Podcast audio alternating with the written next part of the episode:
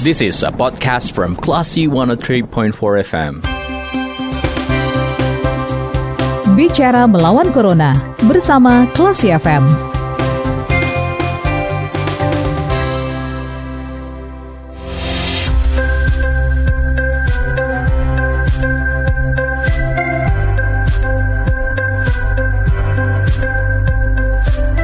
One for Kelas FM, this is the Actual Radio. Selamat sore Kelas People. Saatnya Anda kembali mencermati program Bicara Melawan Corona hari ini Senin 19 Oktober 2020. Tema kita kali ini adalah Bansos dari Kementerian Sosial untuk warga terdampak COVID-19 sudah mulai dikucurkan.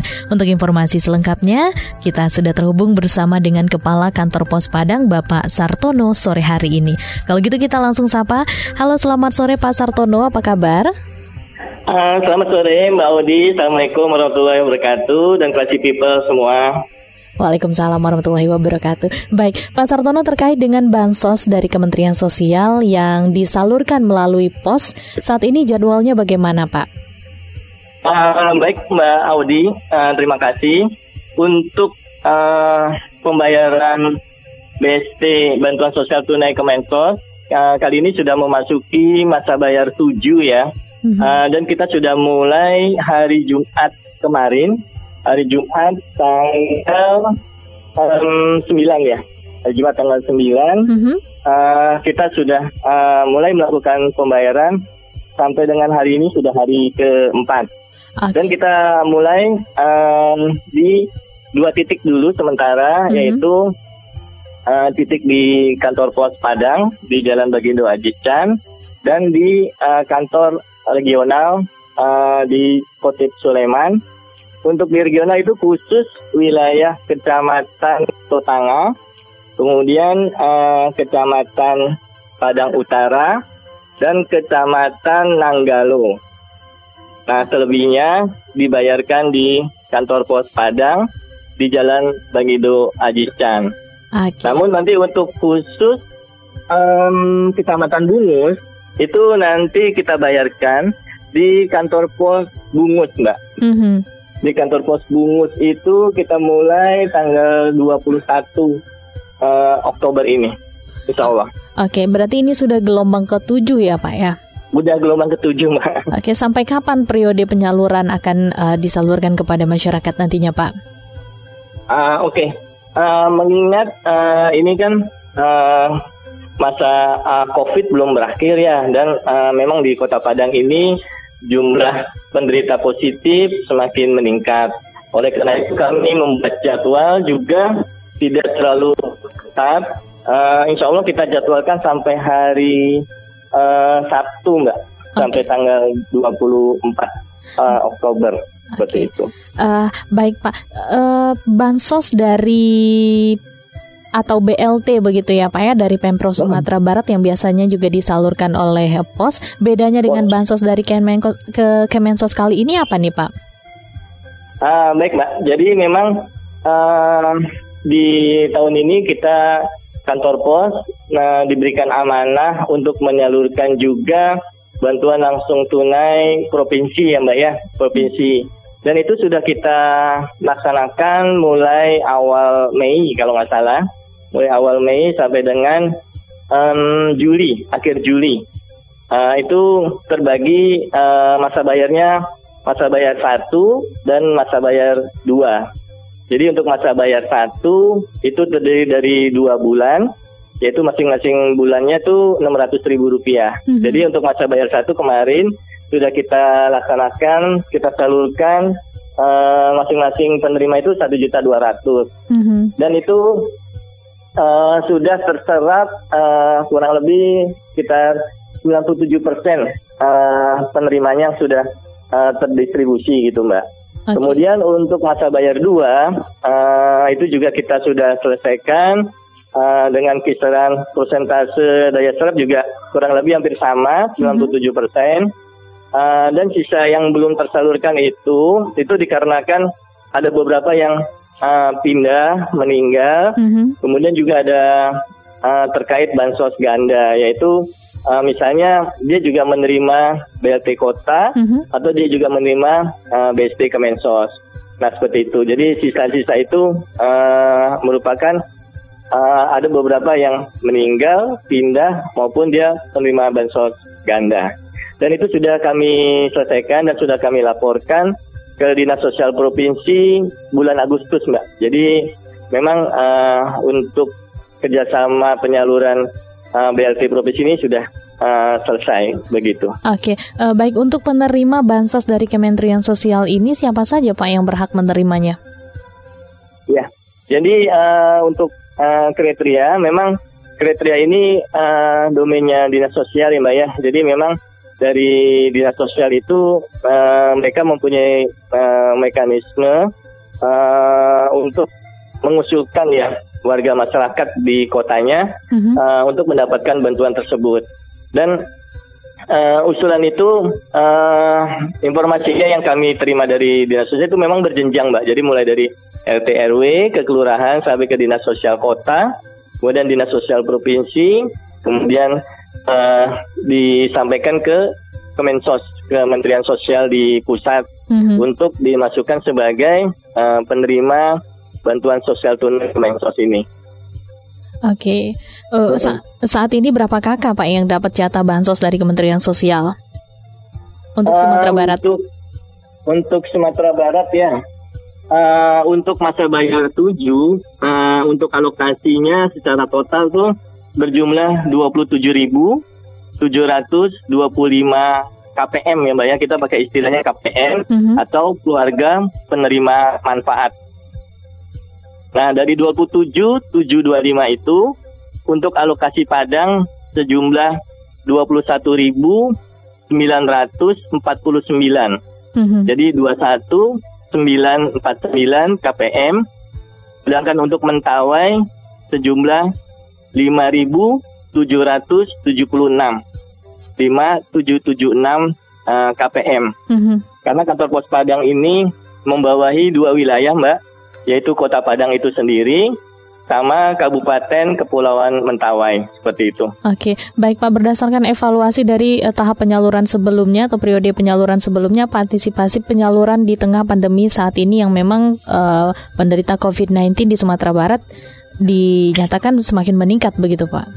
Betul. Nah, jadi memang uh, seperti yang tadi kami sampaikan bahwa uh, kami menyadari bahwa semakin meningkat uh, jumlah penderita terkonfirmasi positif ya di Kota Padang, uh, sehingga dalam membuat uh, penjadwalan kami juga uh, tidak terlalu ketat uh, seperti masa bayar sebelumnya, mm-hmm. uh, sehingga uh, kami uh, agak longgar. Biasanya dalam satu hari kami membayarkan hingga dua uh, ribuan, mbak mm-hmm. 2000 lebih gitu ya dalam satu hari itu bisa dibayangkan orang yang datang berkumpul di kantor pos.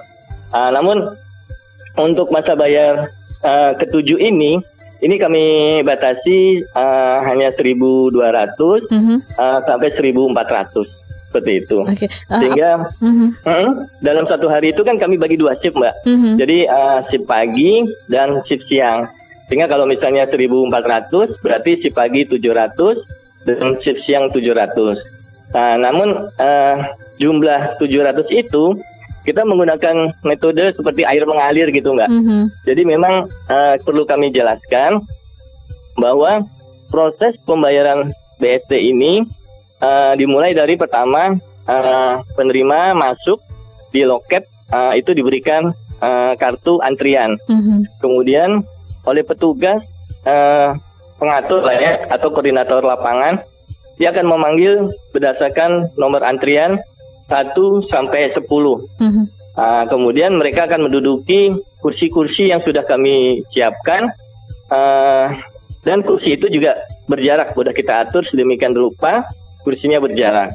Okay. Oh ya, namun sebelum mereka memasuki uh, wilayah antrian itu, kami sudah menyediakan dua tong wastafel mm-hmm. untuk cuci tangan. Jadi sebelum masuk uh, petugas atau satpam yang jaga di pintu masuk itu uh, menghimbau kepada warga masyarakat pertama untuk menggunakan masker, kedua untuk cuci tangan terlebih dahulu. Setelah itu petugas kami melakukan pemeriksaan suhu dengan termogan seperti itu. Oke. Nah, Nah, setelah itu, mhm. setelah itu mereka duduk di kursi yang kami sediakan dengan marka-marka yang memang sudah kami buat sedemikian rupa sehingga tetap eh, berjarak antara satu sampai satu setengah meter seperti Oke. itu mbak. Eh, Baik, artinya masih tetap eh, menjalankan protokol kesehatan COVID-19 secara ketat begitu ya, Pak Sartono. Insya Allah kami eh, usahakan seperti itu. Eh, juga untuk petugas verifikasi yang ada di kami mbak, Mhm. eh, itu juga jaraknya kita buat berjauhan karena kebetulan kantor pos Padang ini gedungnya lumayan ini ya apa istilahnya luas gitu ya di Mhm. dalamnya sehingga eh, jarak proses verifikasi data antara misalnya kelurahan satu dengan kelurahan yang lain itu eh, cukup berjauhan. Oke. Kemudian juga kami pisah antara petugas verifikasi dengan eh, petugas juru bayar, sehingga tidak terjadi penumpukan di satu titik eh, proses gitu mbak. Oh. Misalnya di proses verifikasi kan, Mhm. kalau dia berdekatan dengan juru bayar, maka ini akan jadi eh, padatan dan jarak yang dekat gitu. Nah ini kita sudah eh, jauhi dan beda ruangan. Jadi an- antara ruangan eh, verifikasi dan ruangan eh, juru bayar itu berbeda dan eh, cukup lengang sehingga masyarakat juga tidak terlalu eh, berkerumun dan jaga eh, jarak masih bisa terjaga seperti itu. Oke, baik sejauh ini sosialisasi penyaluran untuk eh, bantuan dari Kemensos baik itu dari Pemprov Sumbar bagaimana Pak? Oke, eh, jadi sebelum kami melakukan eh, pembayaran, kami sudah membuat surat juga eh, informasi kami sampaikan ke Bapak Wali Kota, kemudian ke Dinas Sosial, kemudian juga permintaan bantuan keamanan ke Satpol PP, kemudian juga ke kepolisian.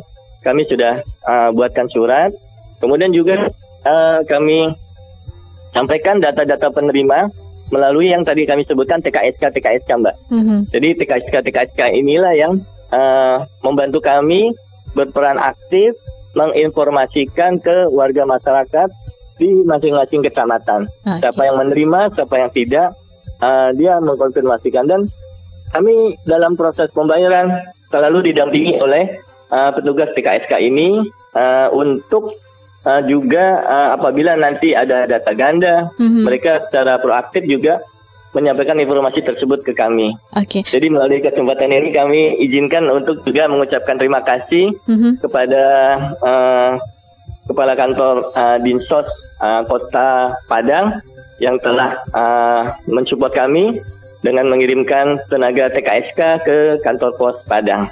Oke, apakah eh, benar masih ada warga yang tidak mengambil uang bantuan eh, dari Kemensos ataupun juga Pemprov Sumbar, Pak? Eh, untuk yang BLT provinsi ya Mbak ya, Mhm. Ah, yang BLT provinsi eh, seperti yang tadi kami sampaikan memang eh, ada eh, beberapa yang memang belum ambil karena memang daya serapnya kisaran antara 95 sampai 97 persen gitu. Jadi masih ada kurang lebih em, 23 ya kalau misalnya 27 berarti 23 persen yang belum ngambil. Mhm. Nah, itu memang eh, yang tadi kami jelaskan beberapa penyebabnya yaitu pertama penerima merupakan eh, bansos ganda gitu mbak. Jadi dia ganda dengan eh, bansos yang lain seperti bansos kota atau mungkin bansos kemensos atau bisa juga PKH. Karena ada juga penerima itu eh, penerima ternyata penerima bantuan eh, PKH gitu mbak. Oke. Nah, seperti itu. Nah, kemudian yang kedua, pindah alamat domisili. Mhm. Misalnya dia udah pindah ke Mentawai atau ke Pekanbaru. Yang ketiga, meninggal dunia otomatis ya. Eh, keempat, eh, bisa jadi alamat yang diberikan tidak eh, tidak apa istilahnya tidak update lagi gitu, Mhm. Mbak. Jadi bisa jadi eh, orangnya mungkin eh, di alamat yang diberikan ke pos di Kuranji.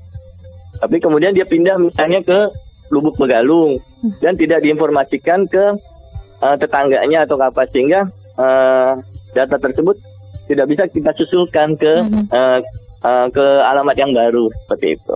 Oke, baik. Terima kasih Pak Sartono atas informasinya. Semoga eh, harapan kita bersama bantuan sosial ini bisa benar-benar dimanfaatkan dan tepat sasaran dengan baik untuk memenuhi kebutuhan sehari-hari, terutama untuk masyarakat yang terdampak COVID-19, begitu ya.